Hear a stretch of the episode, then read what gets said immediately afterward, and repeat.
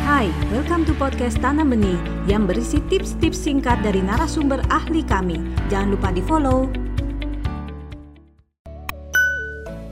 Orang tua yang sabar itu adalah orang tua yang pastinya tahu dulu betul kondisi dan kebutuhan si anak.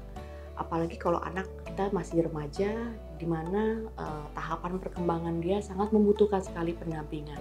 Tapi juga di sisi lain, anak remaja kita juga akan lebih banyak membutuhkan lingkungan sosialnya sendiri. Jadi kita perlu tahu kapan kita harus mendampingi dia sebagai orang tua dan kadang-kala mungkin kita juga perlu mendampingi dia sebagai teman.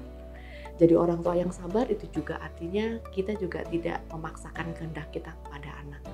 Karena ketika kita sudah mulai memaksakan kehendak kita kepada anak dan anak juga menolak, otomatis yang terbangkitkan pada saat itu adalah marah sehingga kita tidak lagi bisa sabar mengikuti anak ketika dia menjalani proses perkembangannya sebagai remaja. Khusus untuk anak remaja kita, karena proses menjadi remaja ini adalah proses dari anak menuju ke remaja, kemudian menuju ke jenjang kedewasaan. Artinya kita juga sebagai orang tua juga harus bisa mengikuti proses.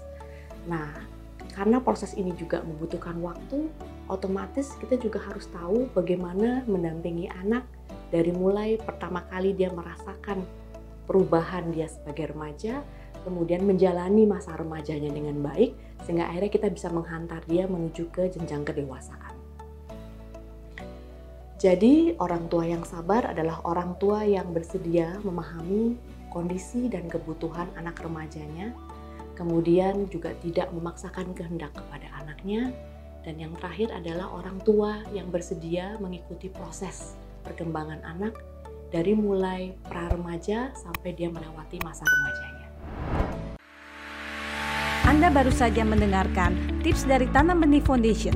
Mari bersama-sama kita terus belajar untuk menjadi orang tua yang lebih baik demi generasi yang lebih baik. Jangan lupa follow podcast kami